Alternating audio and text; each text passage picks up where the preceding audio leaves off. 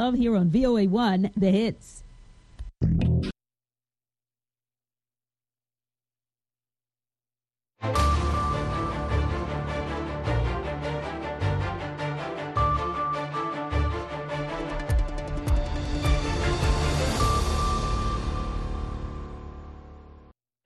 Halkani waa washington. Laanta afka soomaaliga idaacadda v o a oo aad ka dhageysaneysaan mawjadaha gaagaaban efmiyada geeska afrika iyo caalamkao dhan oo aad nagala socotaan v o a somaly com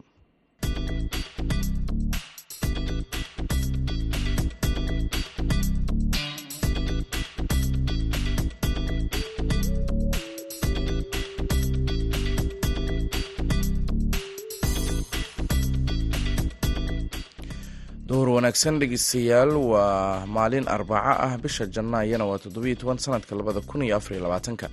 Afrikada bari saacadda waxay tilmaamaysaa kowda iyo barka duhurnimo. Washingtonna waa shanta iyo barka subaxnimo. Idaacadda duhurnimo ee v o a waxaa idinla socodsiinaya anigoo ah maxamed bashiir cabdiraxmaan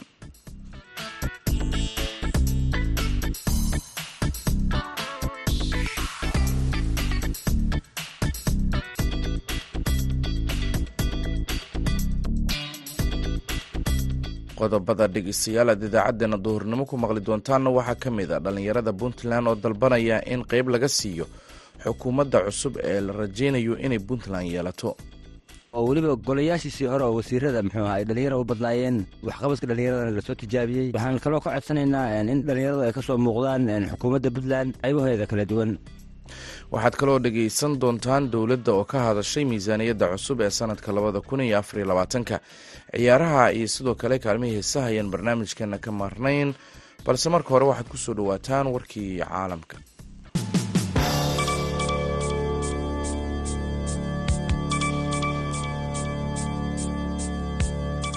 Aqalka cad ee maraykanka ayaa u arka walaac amni qaran is-afgaradkii dhowaan dhex maray somalilan iyo etoobiya sidaasina waxaa sheegay mas'uuliyiin ka tirsan maamulka maraykanka talaadadii laakiin khubaradu waxay su'aal gelinayaan. Sida ay uga go-an tahay washington iyo awoodda ay u leedahay inay dejiso xiisadda ka kacsan gobolka.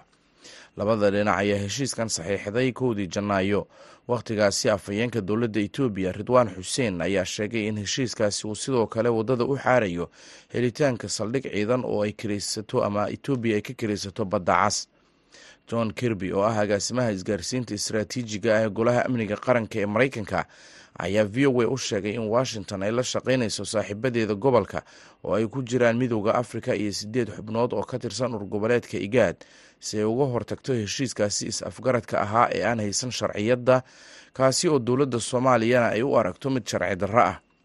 Kirby ayaa waxa uu sheegay in xaaladani ay ka dhigan tahay walaac amni qaran waxaana uu sababta ku sheegay inay dhiirigelin karto maleeshiyaadka al-shabaab oo uu ku sheegay in muddo dheer ay ahaayeen cadowga ugu weyn ee dagaalada sukeeye ee soomaaliya ka socda.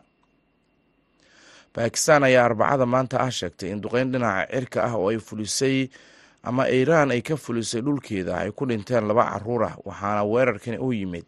Kadib weeraro ay tehraan ku qaaday goobo ku kala yaalla dalalka suuriya iyo ciraaq oo ay ku beegsatay waxay ugu yeertay kooxo argagixiso ah oo ka dhan ah iiraan bakistan ayaa cambaaraysay duqeynta ka dhacday meel u dhow xuduudda ay labada dal wadaagaan. Gelinkii dambe ee talaadadii waxayna ku tilmaamtay mid aan gebi ahaanba la aqbali karin oo sabab la'aan ah.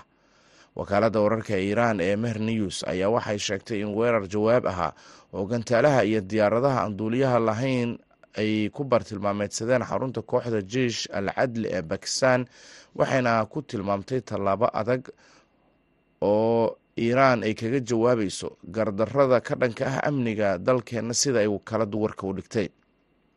Kooxda jeish al cadli ee bakistan ayaa la aas-aasay labadii kun iyo labaiyo tobankii waxayna iiraan ku dartay liiska kooxaha argagixisada ah waxayna kooxdu dhowr mar weeraro ka fulisay sanadihii la soo dhaafay gudaha iiraan duqeyntan ayaa imanaysa kadib markii iiraan ay weeraro gantaalo loo adeegsaday ku qaaday waxay ugu yeertay xarumo sirdoon iyo kuwo argagixiso ah oo ku kala yaalla dalka suuriya iyo ismaamulka kurdistaan ee dalka ciraaq.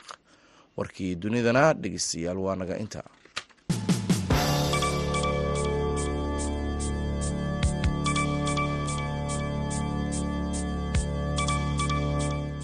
Halka dhegeystayaal wararkaasi aad kala socotaan waa laanta afka soomaaliga ee v o a oo si toos idinkaga imaaneysa washington.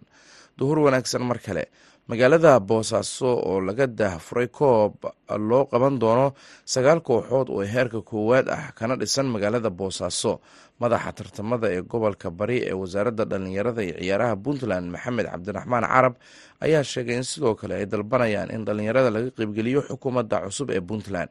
Yuusuf maxamuud yuusuf ayaa warbixintan ka soo diray boosaaso waxaa ka furmaya magaalada boosaaso koob ka qaybgelayaan sagaalka kooxood ee heerka koowaad ee degmada boosaaso koobkaasoo loogu magacdaray dib u doorashada madaxweynaha puntland ee aan ugu talagalnay in muxuu ahaa dhalinyarada ay ka soo muuqdaan golahiisa cusub ee wasiirada puntland si uu dhalinyarada macnihii ay yihiin dhalinyaradu dadka keliya oo muxuu ahaa boqolkiiba toddobaatan dhinac walba ka shaqayn kara. Oo weliba golayaashiisii hore oo wasiirada muxuu aha ay dhalinyara u badnaayeen waxqabadka dhalinyaradana la soo tijaabiyey. Waxaan kaloo ka codsanaynaa in dhalinyaradu ay ka soo muuqdaan xukuumadda puntland qaybaheeda kala duwan. Dhalinyarada kooxaha ee ka qaybgelaya maxay isugu jiraan? Waa sagaalka kooxood ee aan u soo xulanay degmada boosaaso khaasatan gobolka bari magaalada boosaaso caasimadeeda sagaal kooxood oo ugu muhiimsan oo uguna weyn oo kana bixi kara shuruudihii iyo ajendihii koobka uu ku socon lahaa. Kooxo badan baa magaalada boosaaso ka dhisan. Maxaa sagaal kooxood oo keliya koobkan ugu soo koobteen? Sagaalka kooxood waxaan ugusoo ugu soo beegnay garoonkii shaqa ka socota. Haddii aanu kooxaha badin lahayn waktiga baa naga dilmi lahaa. Marka waxaan rabnaa kaleeto barnaamijkan aan u furaynaa garoonkii maalmihii doorashada istaagay in dib shaqadiisa ay u bilaabato. Weliba si dardargelina ay u bilaabato. Aanu tusno madaxweynaha iyo iyo baarlamaankaba. Iyo cid walba ku shuqulle in muxuu ahaa garoonka. Reer boosaasood ay u baahan yihiin meel ay tartamadii loogu bilaabi lahaa. Iyadoo dhowaan uu noo soo dhammaaday koobkii gobollada puntland oo aanu ballan qaadnayn sanadka haddii ilaahayna gaarsiiyo lagu qaban doono koobka gobollada puntland shaqadiina ay istaagsan tahay inay iskeenaysa aanu madaxweynaha puntland uu naga kaafiyo in muxuu ahaa shaqadiina dib loo bilaabo soo fasaxo in shaqadii bilaabato. Garoonka lagu ciyaarayo sidaad sheegtay waa garoon ciida. Waxaa jira garoomo habeenka lagu ciyaaro oo salax ah oo caws ah dhalinyaradu dhibaato ay ka qaadi karaan soo lama dhigi karo garoonka ciidda ah maxaa ku dooratay inaad ku qabataan garoonka weyne boosaaso oo hadda aad sheegtay in dib habeen lagu wado? Waa su'aal aad iyo aad muhiim u ah. Hadda ka horba markuu koobkii degmooyinka bilaabanayay ajendaha iyagu waxaa saarnay in garoonka sidii loo arki lahaa magaalada boosaaso garoonkeeda inuu dayacan yahay. Ilaahay waa nugu guuleysay markuu tartamadii degmooyinku soo dhammaaday in garoonkii la dhagax dhigay shaqadiina ay ka bilaabatay. Ay ku socoto sagaalka sideedda bilood ugu horeysa ama todobada bilood ugu horeysa si garoonku ugu dhammaado buu ajendaha iyagu yahay. Ma aha ciid iyo muxuu aha iyo roog iyo inaanu diiradda saarayno. Ka roogana haddaan kaaga warramo waa meel ay dad leeyihiin waa meel ganacsi ay u furan yahay. Waaya koobkan sagaalka kooxood ka qayb galayaan yaa abaal marinada idinka saacidaya oo dhalinyarada la siin doono hadhow. Marka ay labada kooxood ay fiinaalaha isla soo gaaraan midna qaado midna kaalinta labaad gasho.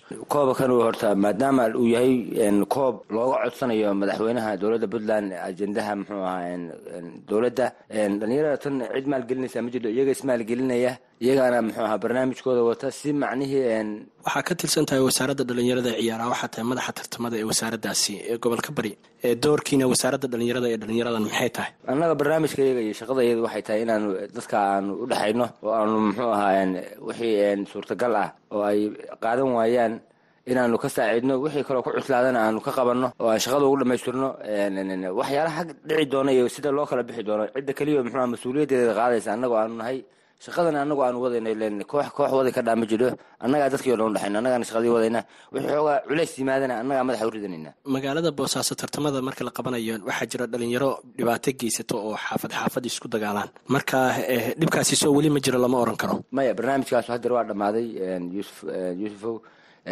Run ahaantiina waxaa barnaamijka kan si weyn noogala saacidi doonaa taliyaha qeybta booliiska gobolka bari oo haya laamaha amniga iyo saraakiishiisa iyo ciidankiisa aada nooga saacidi doona maadaama aanu u sheegnay aanu u bandhignay in tartanka inta uu socdo amnigiisa muxuu ahaa iyagu ay qaadi doonaan. Si aada weliba xoojina sidii hore ka daran ay man amniga noogu adkeyn doonaan. Fariinta u dambeysa aad dirayso maxamed muxuu yahay? Fariinta u dambeysa aan diraya waxay tahay in madaxweynuhu uu ka soo jawaabo in baaqiyada dhalinyarada uga soo dhacaya degmada boosaaso weliba dee gobolka bari meelo aan muxuu ahaa waa kala fogya laakiin boosaaso uu baaqiyadeeda ka soo jawaabo iyadoo muxuu ahaa dee meeshii ugu badnayd oo laga taageerayana ay ahayd.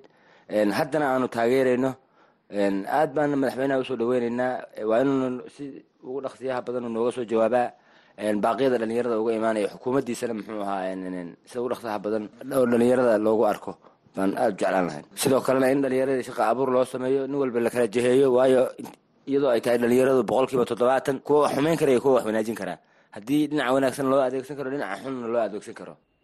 Kaasina waxa uu ahaa madaxa tartanada ee gobolka bari ee wasaaradda dhallinyarada ee ciyaaraha puntland maxamed cabdiraxmaan carab oo u waramayay wariyaha v o a yuusuf maxamuud yuusuf. Markana dhegeystayaal waxaan ku nasanaynaa heystan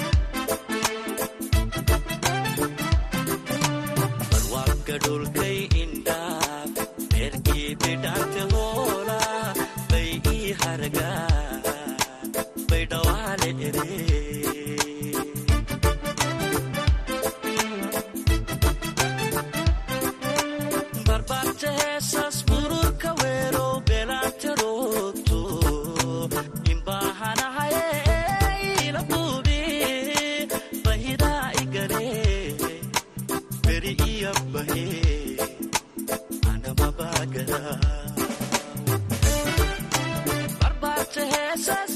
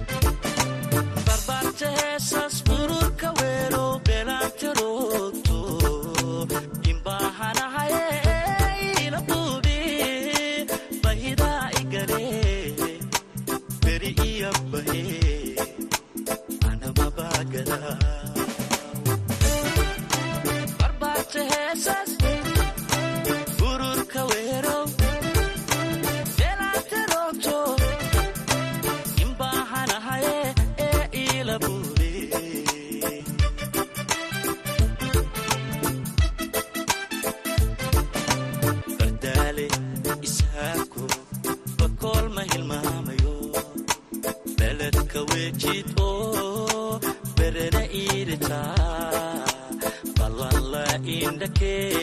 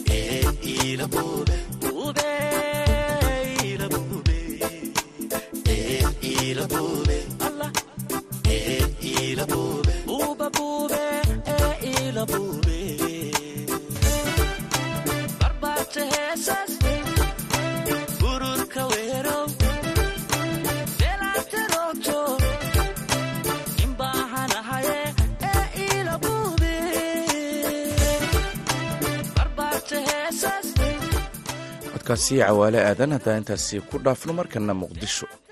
Wasaaradda maaliyadda ee soomaaliya ayaa muqdisho ku daahfurtay sanad miisaaniyadeedka cusub ee dalka kaasi oo markii ugu horeysay gaaray in ka badan hal bilyan oo dollar.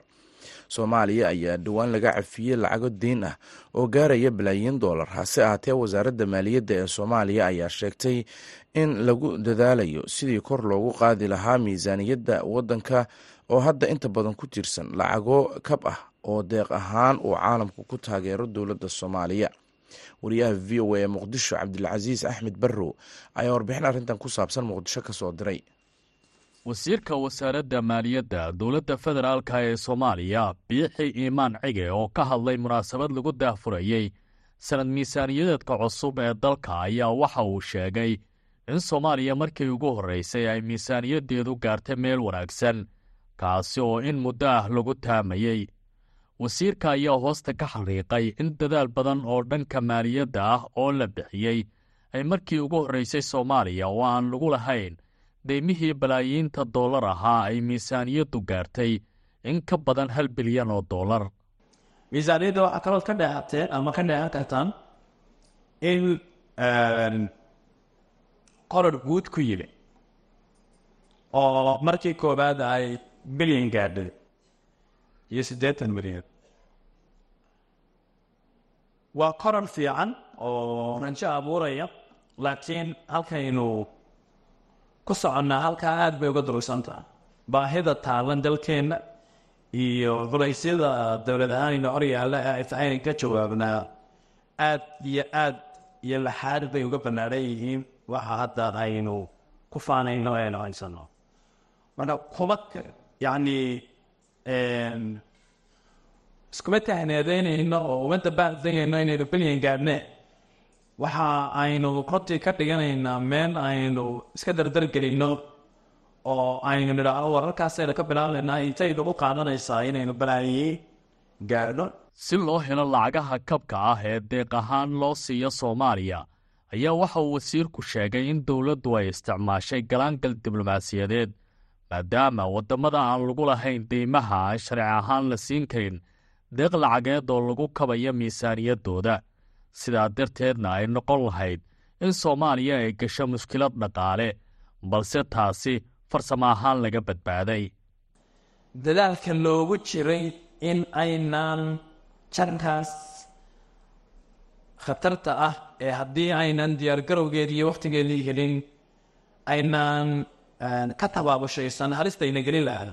Ay dowladdu u gashin bilihii ugu dambeeyey dadaalka ugu badan mid diblomaasiyadeed mid farsamo mid buura bahallayna inta maxaan ku dhahda aan naga xidhnay keliya bangiga adduunka iyo sanduuqa aydhada laydhaaye nagaga xidhnaa runtii dalalka sanduuqa lacagta ku shuba shareholderska ama saamilayda ka ah sanduuqaas oo kuwa runtii dejiya shuruucda lagu maamulayo maaliyaddaas in lala fadhiisto lagu qanciyo sida soomaalidu ay u mudan tahay in muddo inta ay ka soo kabanayso aan lagu dabaqin sharciyada guud ee dunida lagu dabaqo ee ah in denri naga soo oo macnaheedu ahaan lahayd miisaaniyadda halkaa la sheegay saddexda boqol iyo afartan iyo lixda milyan iyo lacagaha yar ee soddonka milyan ee turkiyada iyo tobanka milyan ee eu da aynu ka filayno marka laga reebo lacagaan ka yarayn shan boqol oo milyan iyo lix boqol oo milyan oo miisaaniyaddeena ka mid a. Iyo sanadaha soo socdo dee laga yaabo inay ka badato saamiga deeqo ku leeyihiin inay deynisu bedeli lahaayeen. Wasiirka maaliyadda soomaaliya biixi iimaan cige ayaa ugu dambayn soo jeediyey si loo gaaro isku filnaan dhaqaale iyo koboc maaliyadeed loo baahan yahay in soomaalidu ay garab istaagaan dowladda federaalka ah. Laynaga rabaa inaynu innaguna la nimaadno dadaallo aynu kor ugu qaadayno dakhligeenna gudaha si aynu ugu kaaftoonno waxa aynu la soo baxno. Oo aynaan u baahan in mar walba laynoo sii wado deeqa. Macnaheedu dayn in la qaataa xaaraanma. Dalalka ugu waaweyn dunida dhaqaalaha hadda jira deymaha nagu leeyahay miisaaniyaddooda iyo ama waxaa loo yaqaana g d b-gooda way ka badan yihiin wasaaradda maaliyadda soomaaliya ayaa sheegtay inay ku dadaalaysa sidii dalka ugu yeelan lahaa dhaqaalo kobcaya korna loogu qaadi lahaa miisaaniyadda qaranka. Cabdilcasiis barrow v o e muqdisho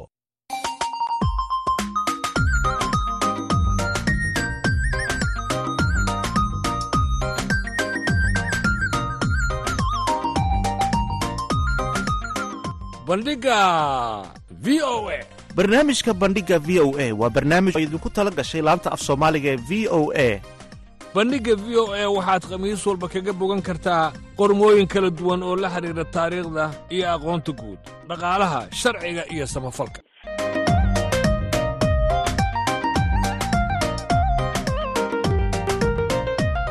Haddii aad rabto inaad wax ka ogaato taariikhda dunida iyo aqoonta guud ha moogaan bandhigga v o a.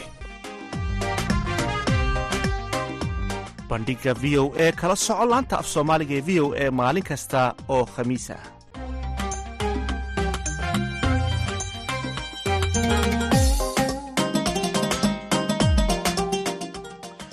markana dhegeystayaal waxaad ku soo dhowaataan wararkii ugu dambeeyey ee cayaaraha waxaana soo jeedinaya jamaal axmed cismaan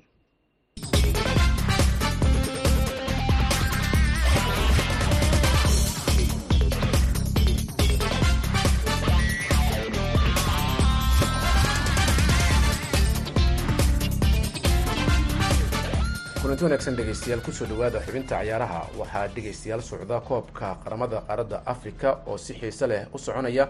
Shalay waxaa la dheelay kulamo ka tirsan koobkaasi gaar ahaan gruubyada. Gruubka d wadanka burkina faso ayaa la ciyaaray murtenia gooli waxba ayaana murtenia looga wadronaaday gruubka e.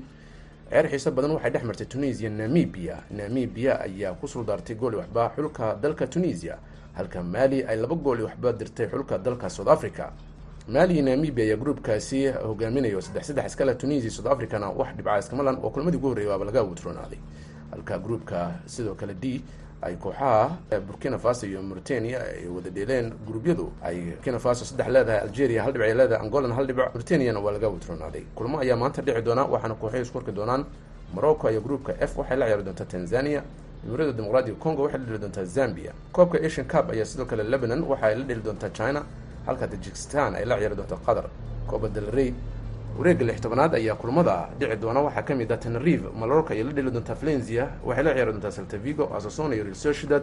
Khirona waxay la dheli doontaa rayo vallecano. Kulmadaasi dhammaantooda maanta ayay dhici doonaan. Kulmadii shalay dhacay zeri aada yuventus saddex gool waxbaa saswol ay kaga wadroonatay eve cabka ayaa kulmo ka tirsan la ciyaaray wolvis iyo brentford saddex iyo laba. Wolvis ay ka wadroonatay birmingham waxa ay la dheeshay hall laba gool iyo gool ayayna kaga wadroonatay bolton iyo luton laba gool iyo gool. Bolton ayaa afka ciida loo daray bristol city waxa ay gool iyo waxba kaga wadroonatay west ham.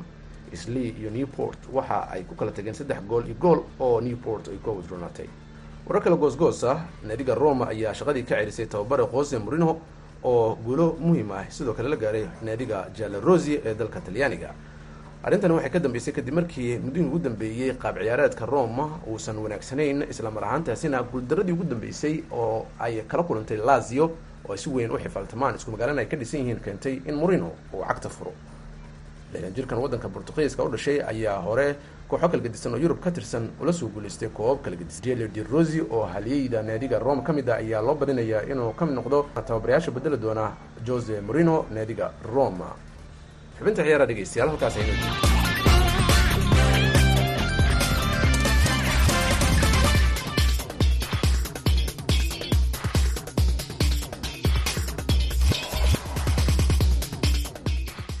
mahadsanid jamaal axmed cismaan oo xubintaasi cayaaraha nala socodsiinaya halkaad kala socoteenna waa laanta afka soomaaliga ee v o a oo si toosa idinkaga imaaneysa washington. Mar kale dhegeystayaal waxaynu jaleecinaa dhinacii heesaha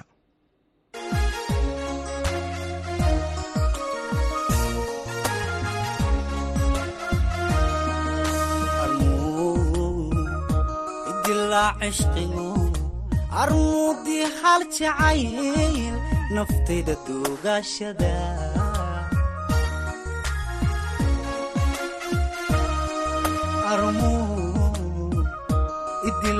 cishqigo armuudii hal jacayl naftayda duugaashada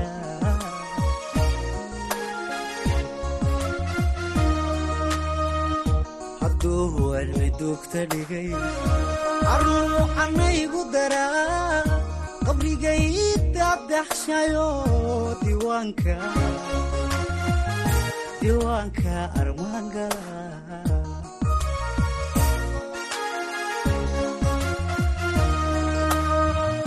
hadduu waalmedugta dhigay.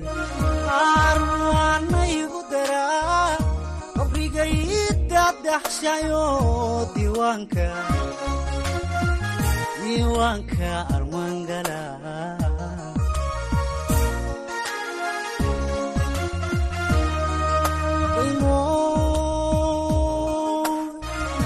daymooy anigoo ku jecel naftaydana aan doowayn armadiga doorsataayo cidladaa igu dayrisaayo dalkaysta meelo kale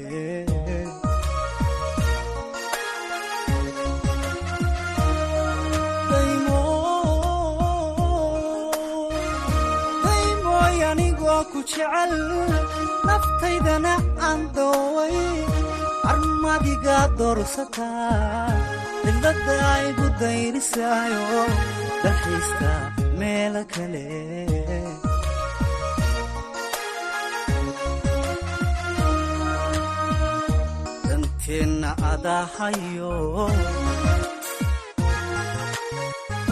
taladaan ku daynayaa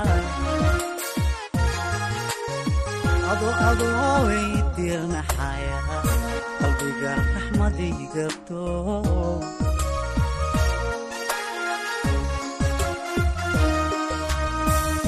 danteenna adahayo taladaan ku daynayaa adooway diirnaxaya qalbiga raxmadigabto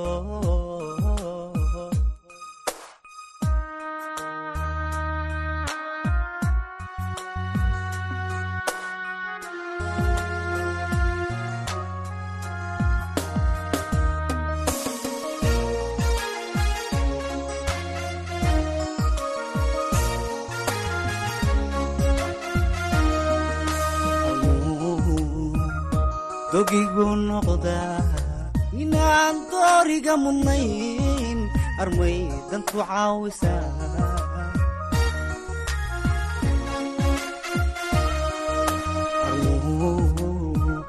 dogigu noqdaa minaan dooriga mudnayn armay dantu caawisaa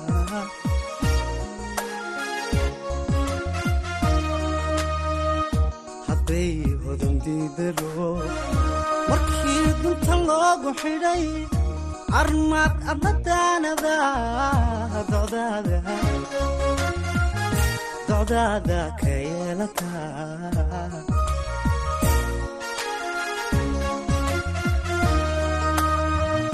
hadday hodondiidaro markii dunta loogu xidhay armaad adnadaanada docdaada ka yeelataa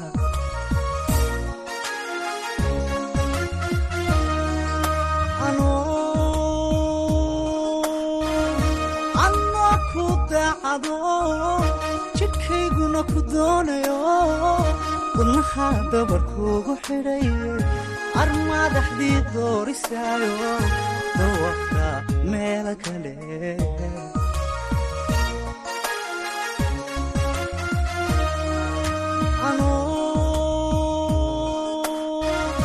Anoo ku daacado jidhkayguna ku doonayo. Wadnaha dabarkuugu xidhay. Armadaxdii doorisaayo dawafka meelo kale